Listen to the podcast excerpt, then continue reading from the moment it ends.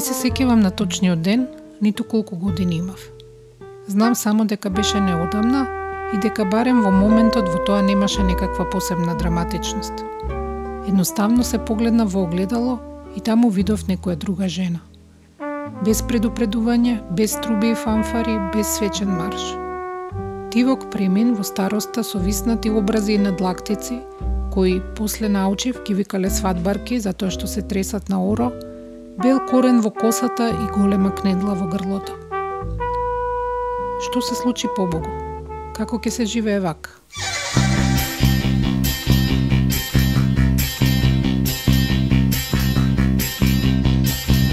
Јас сум Илина Јакимовска.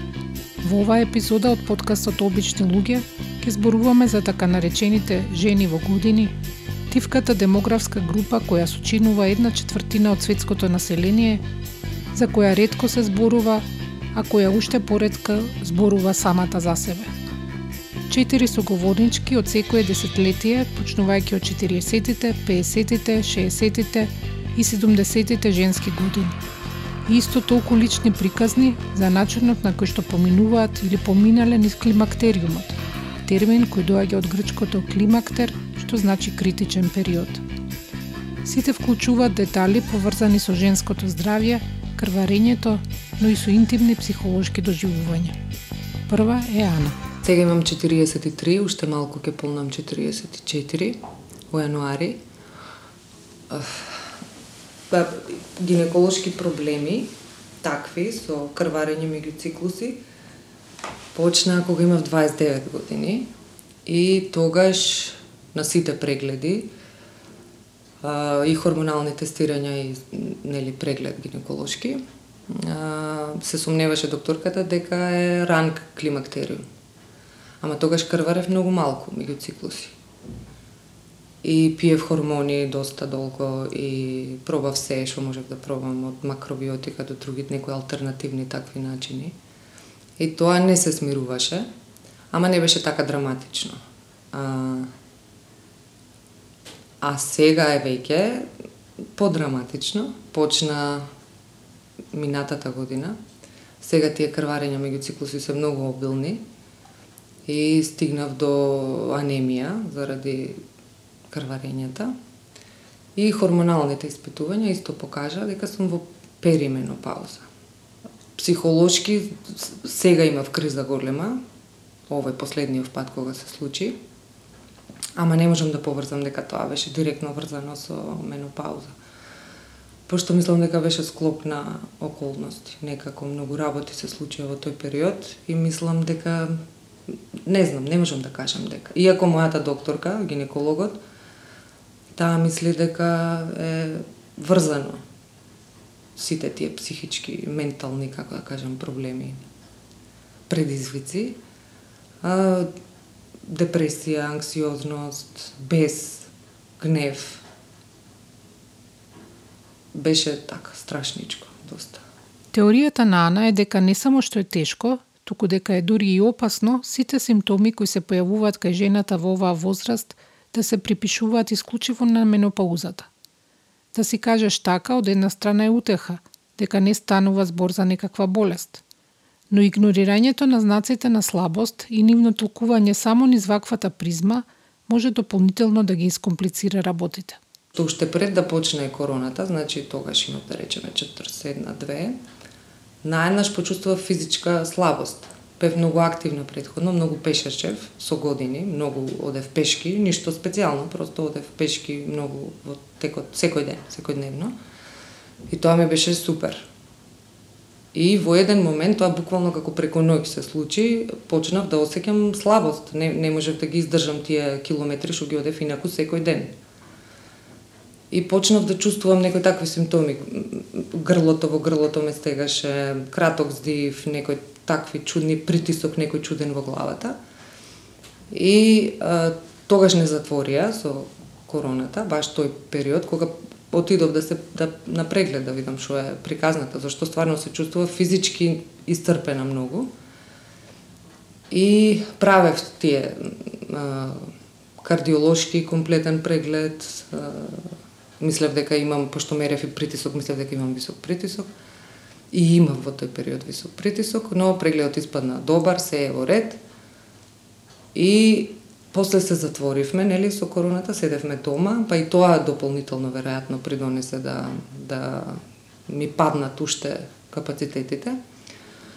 Ама после некое време, како се редеа сите овие физички некои слабости, па после, не знам, во грудка во градата, па биопси, па такви некои стресни ситуации, па не знам, корона прележавме два пати сите. А, и се тоа, за на крај да почне а, крварењето меѓу циклуси, има многу обилно. Тоа беше стварно, мислам, течеше ко река буквално.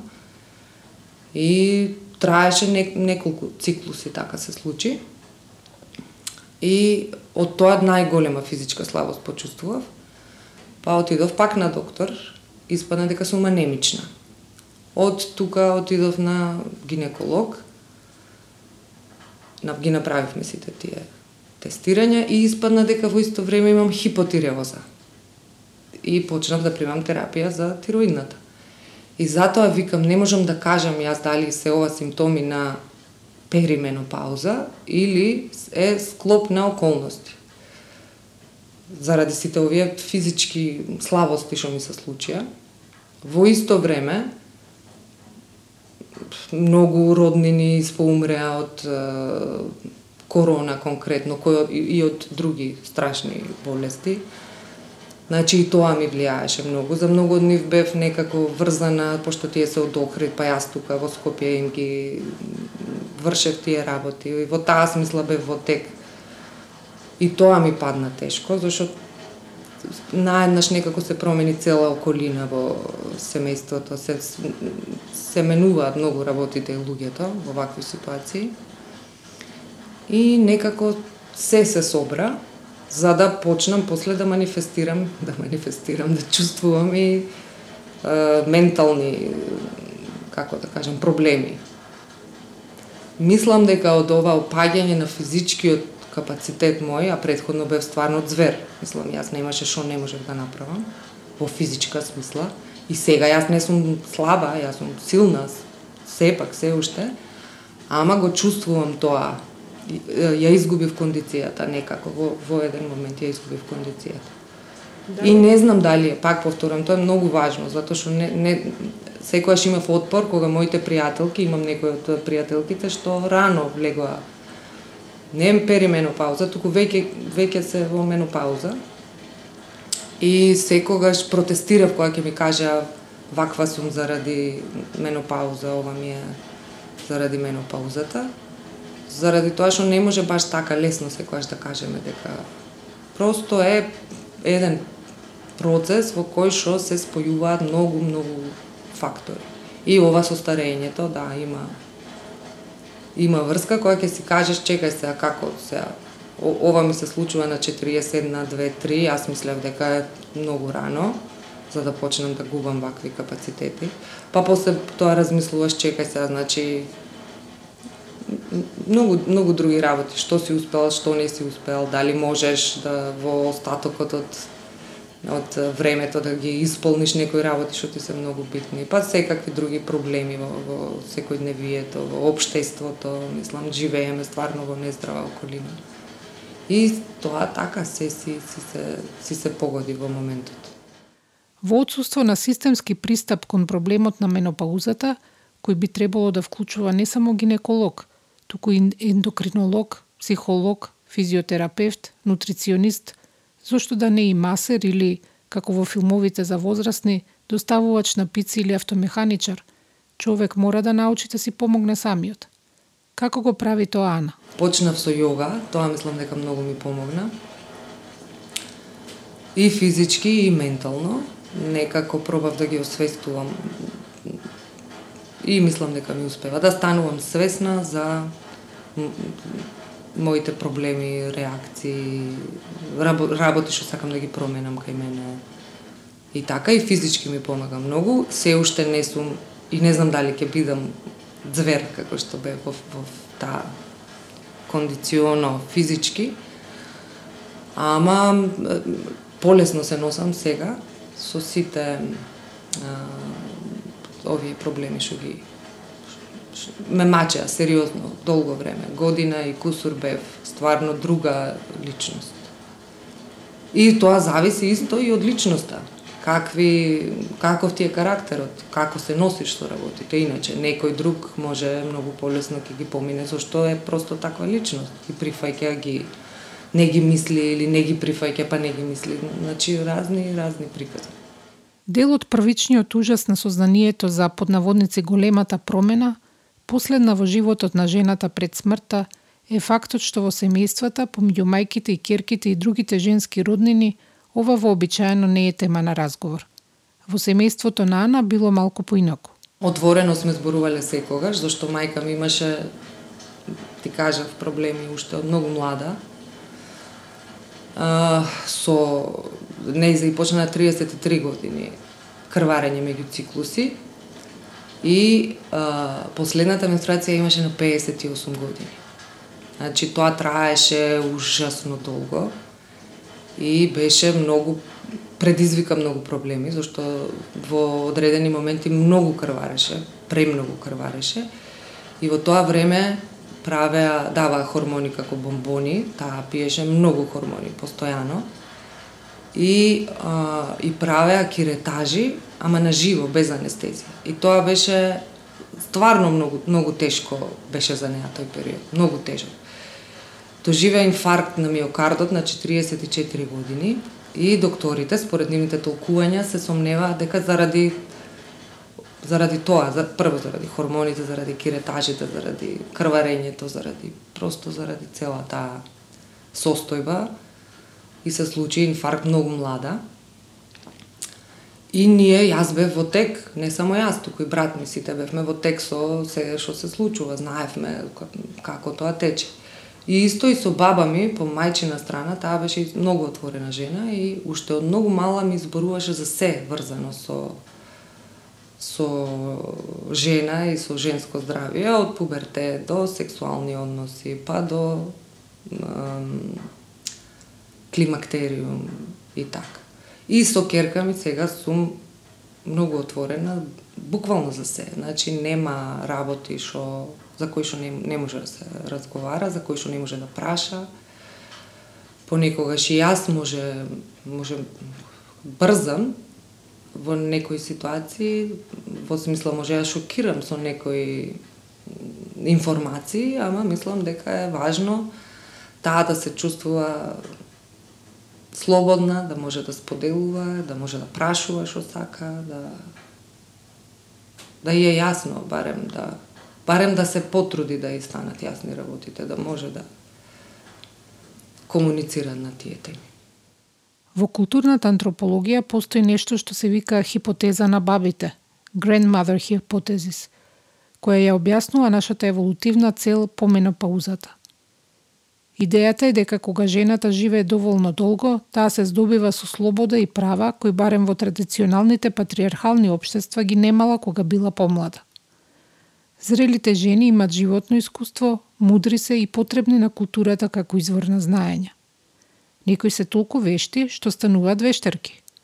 Сушност, човекот е единствениот примат чии женски единки имат необично долг живот по менопаузата, период во кој веќе не можат да раѓат и оттаму од чисто еволутивна точка би требало да се поднаводници безкорисни за генскиот пул жените во минатото, да речеме во традицијската заедница во Македонија, тие имале свое своја значајна позиција во овој период од животот. Има еден многу бав термин од Голо Брдо. Жената после 50 години, пошто тие рано станувале баби и така, ги мажеле, женеле децата многу рано, има еден термин, вика прекоршена, прекршена. Значи, таа веќе оди во во следна фаза. Ама во исто време, одејќи во таа следна фаза, незиниот статус расте. Како старе, незиниот статус се приближува до статусот на мажите во семејството. Значи, таа веќе станува многу побитна од тоа што била предходно. Сега, за разлика од тогаш, не само што нема обред на премин, некаков за да може да се кажеме аха, сега тоа е тоа, преминувам во нова фаза и сега во таа нова фаза мене што што ме чека кога староста веќе ја нема таа вредност како зрелост, мудрост, не знам, потребен си тука да даваш совети, да почитуван си многу и така натаму. Сега има некои други вредности кои што се вака многу перверзни во, во известна смисла. Например, да, да се обидуваш да останеш млад вечно, сите тие пошто тоа е напорно за среќа мене никогаш не ми било не ми било предизвик ниту како млада нешто многу да се трудам тоа околу тоа како изгледам па сега тие сите промени брчки седи влак на не не ми се проблем. Напротив сакам да гледам како ќе ми се промени косата не се фарбам иако керка ми често инсистира и така. Значи сега тие некои работи не не не мачат и просто сега не знаеш понатаму не одиш на, на подобро, туку некако одиш на во смисла на очекувањата околината што ги има, дека треба да бидеш стално средена, дека треба да бидеш убава, да се грижиш, па и за здравието, па и за физичкиот изглед, па и за се мислам малце а, напорно. Јас после овие искуства што ги имав оваа година, има многу поголемо разбирање за луѓе што страдаат од депресија, од анксиозност, за самоубици, луѓе што се самоубиле, има многу поголемо разбирање затоа што во одредени ситуации од животот тоа е дел од самата диагноза ти да не можеш да си помогнеш себе си. Просто не можеш да си помогнеш. Не можеш и не сакаш, не, не знаеш како и немаш капацитет да си помогнеш. Немаш не можеш да немаш никаков капацитет. И тоа е дел од од диагнозата. И секому може да му се случи, буквално секому, дури и на и оние луѓе кои мислиме дека никогаш не страдаат од такви нешта. Значи, тоа е, мислам, многу поважно да може да се зборува за тоа и да се да се размислува на тоа.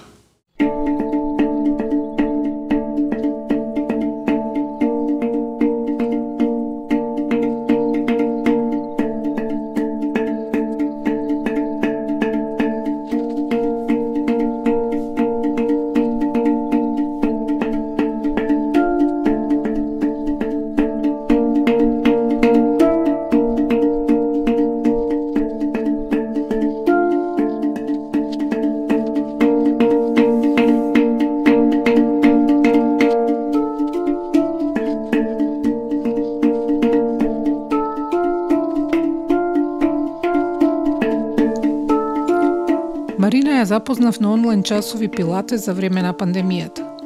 Во текот на неделата инструкторките се менуваа, а јас едва ги чекав незините часови затоа што тие вклучуваа помалку скокање и тупси-тупси музика. Незиниот ненаметлив авторитет и спокојство ми оставија впечаток, и иако физички не изгледа така, помислив дека мора да сме на слична возраст. Не сгрешив. Таа има 50 години, диплома од Факултетот за физичка култура и предава физичко во училиштето за деца со посебни потреби Златан Сремец. Истовремено води групи за фитнес и јога. Ја прашав кој е незиниот впечаток за возрастниот состав на групите. Па да, во групите има 99% се жени, да не кажам и повеќе, на кај стотка веќе паќа, ретко некој машко ни се придружува. Е сега а, возраста на жените некако а, со текот на годините ми се допаѓа што се менува и што доаѓаат повозрасни, по, повозрасни сега, ако можеме да ги кажеме, жени кои што се над 40-та, 45-та година од а, својот живот. И има разни причини со кои што го почнуваат а, вежбањето. Едно е а, да бидат по-фит, Друго е затоа што почувствувале дека им фали физичка активност во ова брзо време на живење и третата е по препорака од лекар. Дали самата веќе ги чувствува симптомите на менопауза и како ги доживува? Јас сум, како што читав, дека мојот период а, во кој што се наоѓам се нарекува перименопауза, значи се уште имам циклус, но а, веќе има осцилации кога ми е почест а, циклусот, кога ми доцни по долго време, по кратко време зависи. Значи веќе чувствувам промени, од пред неколку години чувствувам а, ги чувствувам тие најпознати, најчести, најверојатно симптоми како што се жештини и, и а, таква неудобност, но можам да кажам дека исто така во одредени периоди, дури почнав и дневник да си водам околу тоа, а, тоа е последнава година, чувствувам како во одредени периоди од месецот, можам да кажам, а, баш голема неудобност, во смисол на како растрепереност, како умор, како срцебиење, како ми фали воздух.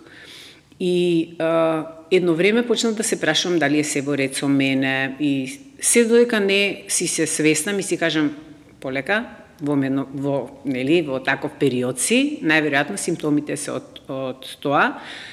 А, и некако самата таа мисла па ме смирува, па тие сите симптоми некако ми се ублажуваат.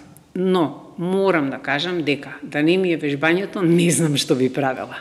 Затоа што во тие периоди не престанувам со вежбање, И после час, извежбан час, дали јога, дали пилатес, јас сум сосема со нова енергија која што онака баш ме носи до наредниот ден, ќе ми се појават тие чувства, пак ќе ми дојде неубаво, ама ја пак ќе извежбам и пак ќе ми се се ќе ми се среди, ќе ми се направат коцките како што треба.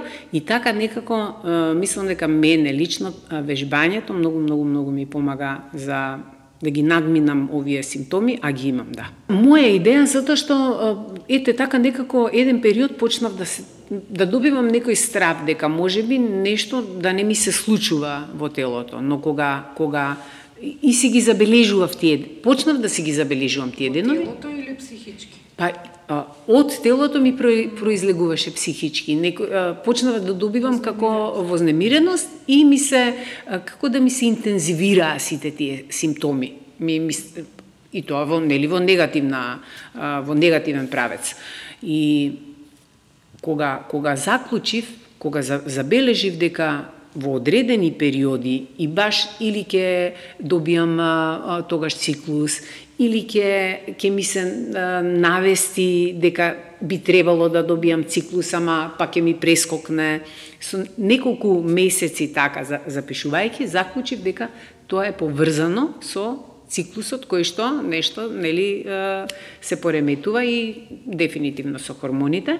И самата таа мисла кога го заклучив тоа дека заради тоа ми се случува, некако ме смири и симптомите од јаки, интензивни, ми се намалуваат. Сега, сега веќе сум пак во, во фаза кога ќе добијам симптоми на срцебиење, на краток здив, не ми траа толку долго како што ми траја пред да си дојдам до овој заклучок, до кој што си дојдов. Така да тоа некако мене мене лично ми помогна да си ги бележам тие тој период. Исто така голема хиперсензитивност хипер сензитивност во, во емоциите имав во тој период, па можеше да се случи, не знам, од некоја банална причина да ми потечат солзи, јас да не можам после да ги сопрам тие солзи. Ете, и исто така, то, тоа е тој период. Марина веле дека во моментите кога се двоумело што и се случува, дали симптомите се резултат на хормонална промена, читала форуми, се распрашувала кај колешки и пребарувала на интернет и во медиумите. Сепак, последниве се меч со две острици. Па, ова со медиумиве се има и добра и лоша страна. Е сега зависи од човекот. Ако е со помал степен на самодоверба, ќе може да му вли, повлијае лошо, па да се чувствува лошо. Зошто не изгледа така како што изгледа тие што што ги гледаме на медиумите. А ако има високо ниво на самодоверба и си се цени себе си онака како што треба, тогаш може би да може да делува и мотивирачки. Но сепак не би требало тоа да биде а, приоритетот или нештото заради кое што а, луѓето се одлучуваат да да бидат физички активни. Туку чисто заради здравието, заради функционалноста, заради убавото чувство, заради слободата на движењата кои што ќе ги имаат кога се физички активни, за, за да го одложат, за да ги одложат сите тие да ги наречеме можеби поднаводници негативни последици што доаѓаат со текот на годините, но тоа се сосема природни а, работи што ни се случуваат во телото, но со физичката активност сите тие може можеби неудобности што ги добиваме, ќе ги одложиме или ќе ги ублажиме самите симптоми или самите последици. Јас секогаш кажувам дека не треба да не признавам диети, не треба да држиме ние диети и не треба да ги нарекуваме диета, туку едноставно начин на функционирање и на, на исхрана. И сега, никогаш не, не сум кажала дека сум вегетаријанец или веган или се, но убаво кажати, имаме сега информации разни, со разни истражувања и можеме да, да си да направиме да ни биде подобро, па но и интуитивно исто така. О, многу одамна исфрлив млечни производи, месо да не кажам скоро, па многу ретко јадам. И кога ќе ме прашаат, најверојатно ја гледаат линијата што што ја успевам да ја, да ја одржам со со овие години. На кој начин се хранам? Јас им кажувам дека умереноста е мислам клучот на се и дека човек некогаш ако има голема желба да си касне нешто што му прави задоволство и што што мојот професор Ванчо Попетровски и баш тоа го кажа треба некогаш и витаминно витаминот на задоволство да си го земеме да, да, да, го, да го вкусиме, така да убаво е понекогаш и тој витамин да, да, да си го вкусиме, но сепак сите сме свесни што е добро, што е здраво на денешно време, така да само умереност, зеленчук, овошје и околу исхраната, тоа би кажала, да не се изгладнуваме, а сепак да да се сакаме себе си, ако се сакаме, нема да да се пријадуваме. А, во однос на вежбањето, значи како една една како порака, што би кажала?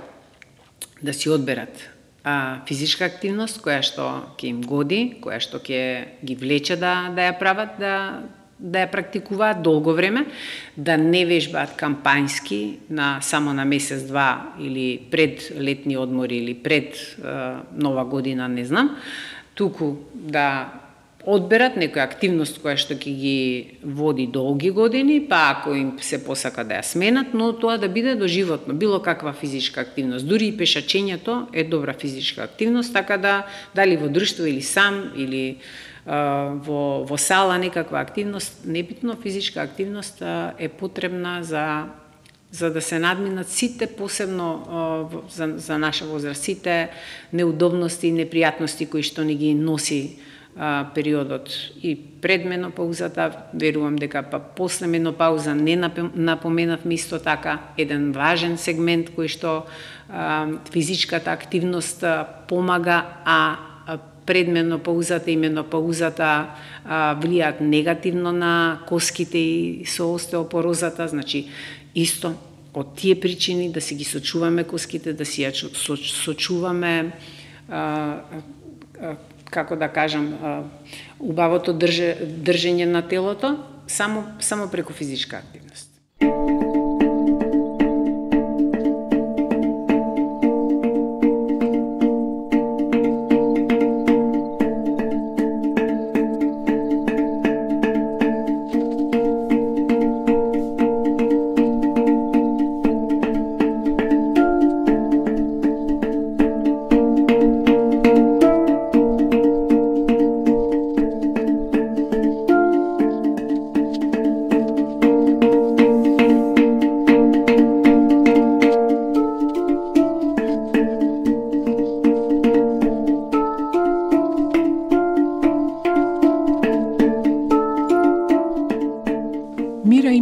60 години, сопруг, керка и едно црно-бело кученце по име Менди.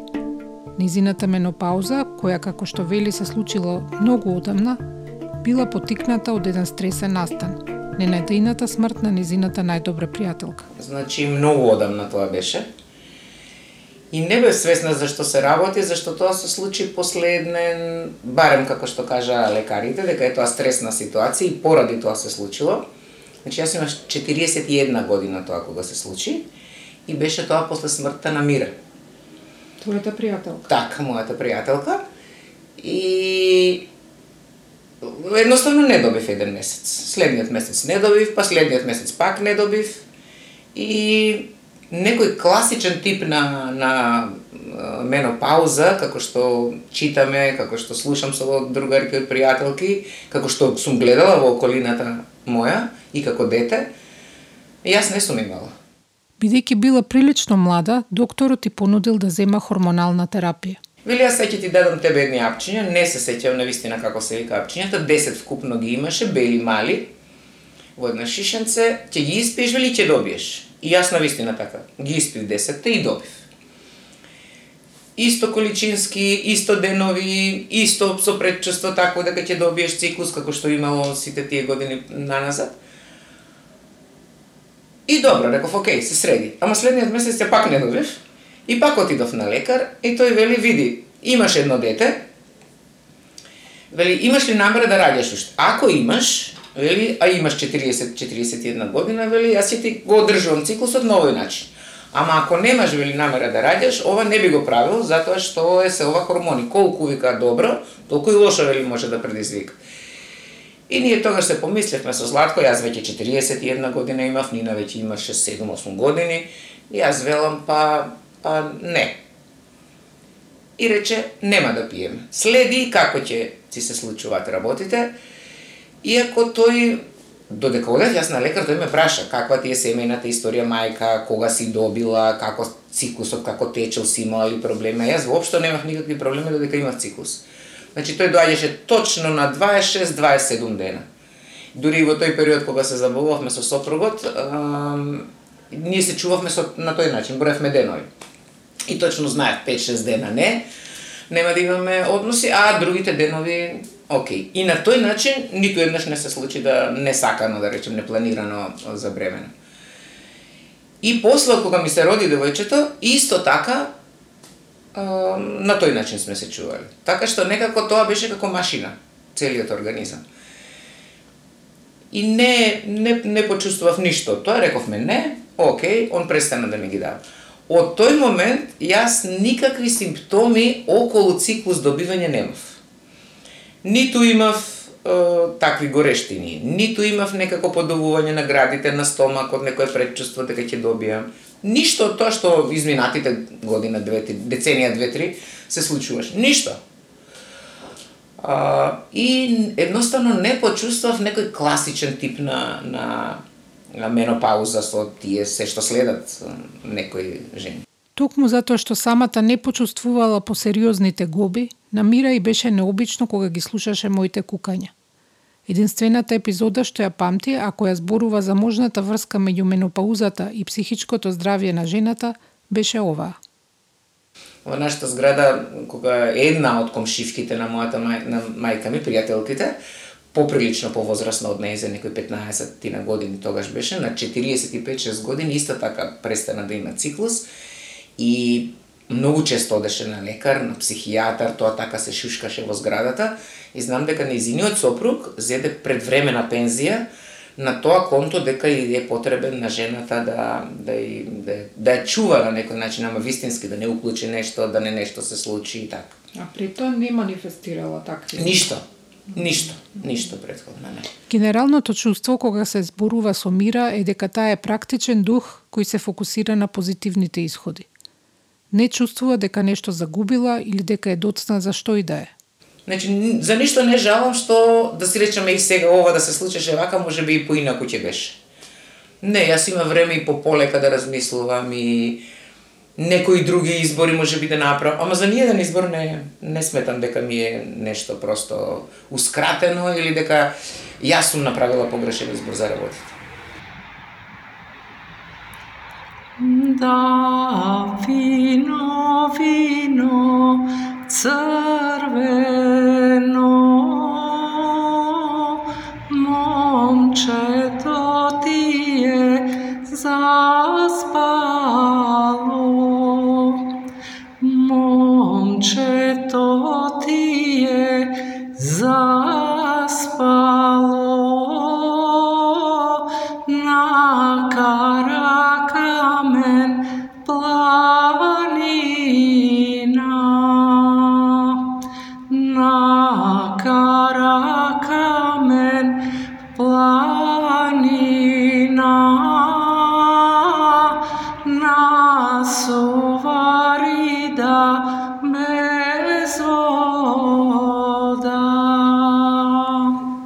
Кога сум се родила во долечната 1971 година, Оле била меѓу првите кои ме видела. Кога после долгогодишни обиди за бременост се роди мојот син, таа исто така беше прва пред породилната сала. И како млада, а и сега, има прекрасен глас и пее во градскиот мешан хор Вардар. Оваа снимка ја направи самата во ходникот на зградата каде што живее, поради добрата акустика. Долги години работеше во лабораторијата на гинекологија во државна болница, а се пензионираше како незин раководител. Интервјуто со неа го направивме на незиниот 77 роден ден. Да, бо, заради тоа што работев таму и со хормоните, знаев што е менопауза, нормално. Сум учела. Меѓутоа, не ја и го очекував тоа, е, фала Богу, ќе се ослободам од ти Мислам дека жената со текот на времето како и врват годините и се смачува од таа менструација секој месец и дури и на крај викаш аман нека ми пристане више да се ослободам, да бидам мирна. Нели да не мислам на тоа, стално мислиш да не останеш трудна, да пазиш, да ова, да менструација, еј како ќе имам менструација, тогаш а треба не знам кај да одам. Така да најнормално го дочекав тоа како нешто најнормално, ниту па мислев какви, што ќе ми се случува, дали нешто ќе ми се промени. Воопшто не сум размислувала за тоа. Едноставно, мислам дека некаде беше дали 49 кога имав или 48, добив еднаш, па 2-3 месеца немав, па уште еднаш добив и толку. После 6 месеци уште еднаш и заврши. Е, па викам тоа е, тоа е гот. За Оле, климактериумот настапил со чувство на олеснување. Единствениот спомен за тоа дека може би некакви промени сепак имало е поврзано со едно жешко лето. И сега кога а знам дека овој многу жени имаат проблем со менопауза, со а, тоа тие валунси што ги викаат, нели, топло па ладно, топло. Јас тоа не сум го имала воопшто. Меѓутоа, сега кога се враќав и ти кога ме подсети за, за менопаузата, се сеќавам дека дека едно лето, ама тоа лето беше многу жешко, дека многу ми беше мене жешко тоа лето. И јас Лемпи го натерав да купи вентилатори, тогаш имаше оние вака шо вртеа. Леле, викам, Лемпи купи вентилатори, ќе умрам од жешко, многу ми е жешко. И сега тој ми вели, добро, жешко е стварно, ама не е до толку, па ти што го претеруш, абе, викам, многу ми е жешко мене. И мислам дека тоа лето, вака кога се враќам сега кога беше тоа, мислам дека тоа беше Е, само тоа лето осетив дека ми беше повеќе жешко него што ми било друг пат. Ако е тоа тоа. И толку. Како и повеќето други соговорнички и во семејството на Оле не се зборувало за женското здравје или за сексуалноста. Е, тоа е, мојата генерација е старомодна. Тие такви теми не се збореа воопшто. Ниту се збореше, може би во мојата фамилија, не знам во друго окружување какво било во други фамилии, ама во мојата фамилија не се зборувало тоа. Ниту за по пубертетот се зборуваше, ниту за сексуално образование, нешто кога сум била девојка да ми каже мајка ми дечко имаш па ова. Не, не, тоа било нешто што не сме да се да се кажува. Тоа било нешто што е срамота.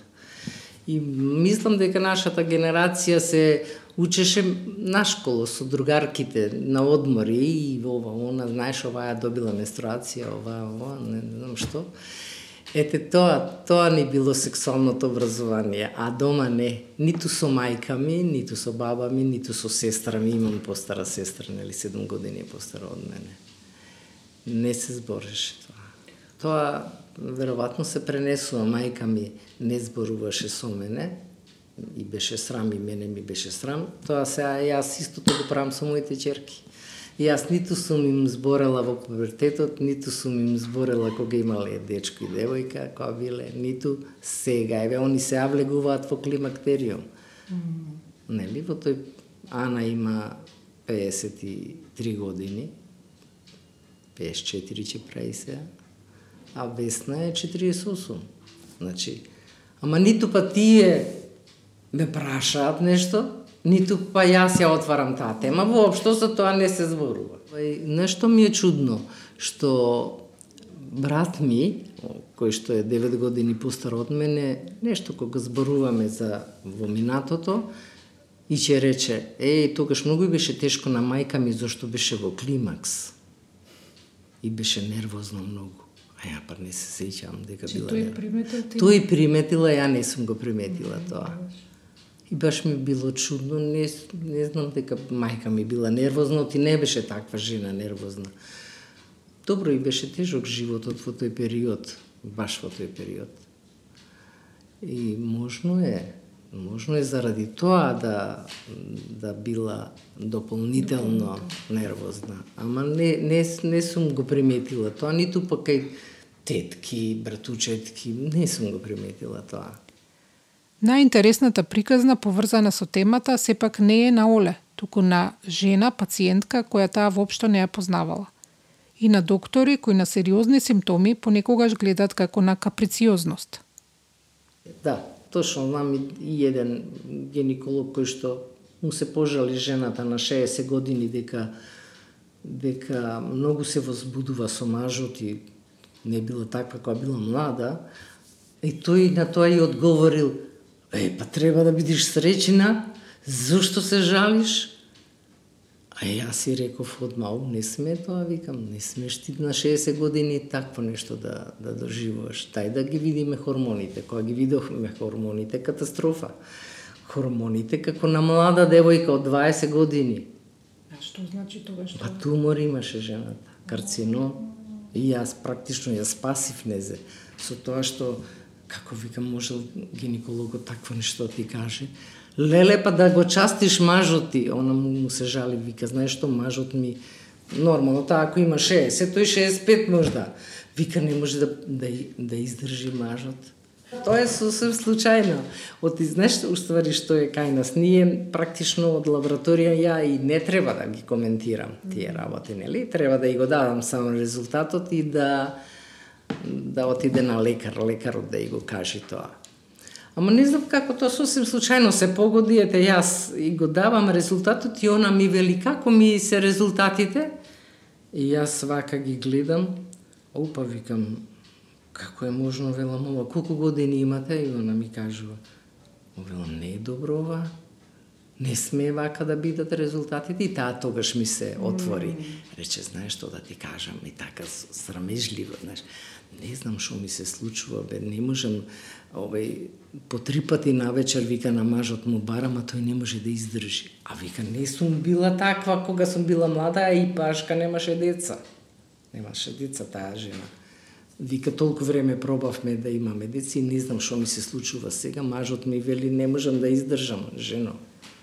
Во светски рамки, помалку од 4% научно-истражувачки публикации од областа на гинекологијата се посветени на менопаузата. 49% од списанијата се посветени исклучиво на репродуктивните функции, бременоста и раѓањето, а само 12% на здравствени прашања на женските сексуални органи кои немаат репродуктивна природа. Немам статистика за обштествените и хуманистичките науки, но со сигурност знам дека е многу тешко да се најде сериозна студија посветена на оваа тема на кој да е јазик. Една од редките е Промена, жените, старењето и менопаузата од австралиската феминистка Джермейн Грир.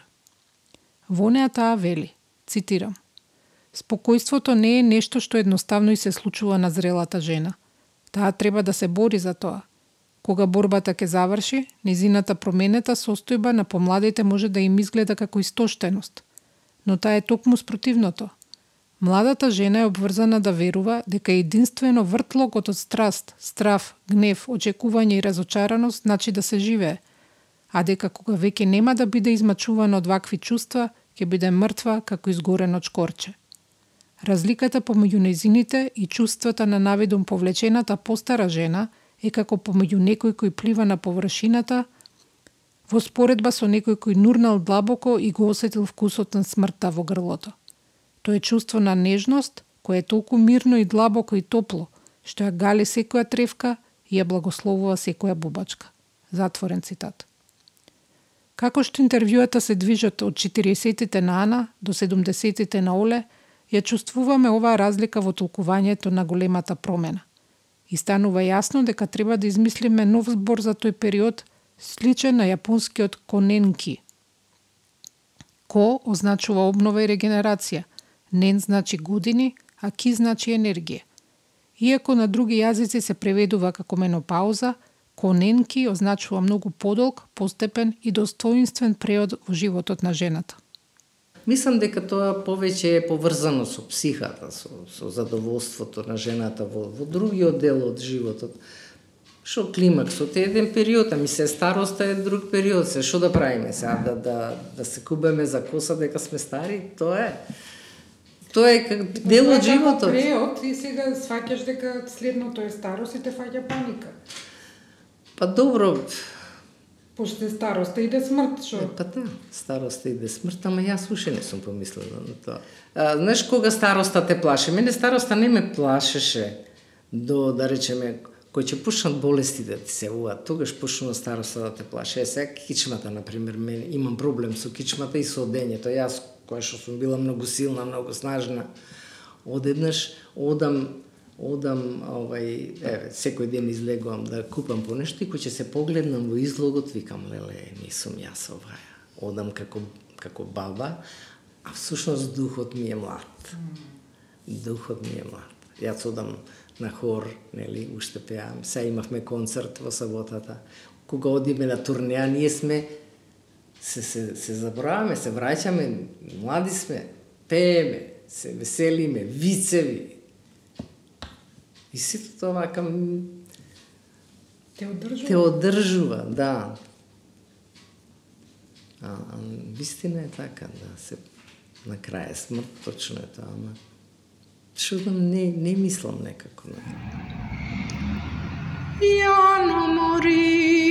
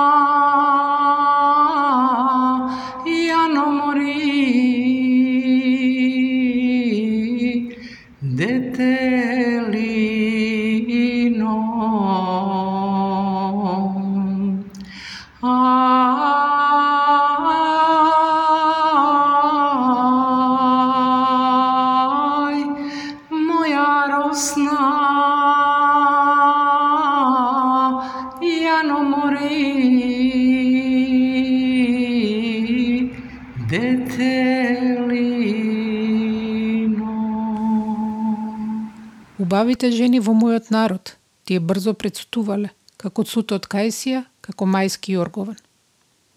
Така пишуваше Блаже Конески за жените од минатото. И овие од сегашноста ја имаат истата нечујна издишка за неправдата кој им ја нанесува времето. Сепак храбро се носат со неа. Јазот помеѓу нив и помладите девојки е огромен, а емпатијата на вторите непостоечка. Се до моментот кога до вчера 20 годишната девојка ќе се погледне во огледалото и ќе се праша. Што се случува? И може би ќе дознае, ама пост фесту. Девојчето од првата сцена во втората е буцка, со прслиња и лакирани сандали. Свири клавер, учи латински, сака мачки и да се гушка на клупите. Добро плива краул, кога се смее на образите и се прават дупчиња. Раѓа син, пишува песни, собира ронки од тепихот, кисне онлайн. Некогаш е тажна, некогаш не е. Сака да седи на сонце и да ќути со пријателите. Го бакнува мажот и пред спиење. Филмов тапа, коние црнобелите. Може кога ќе заврши, ќе го сватиме.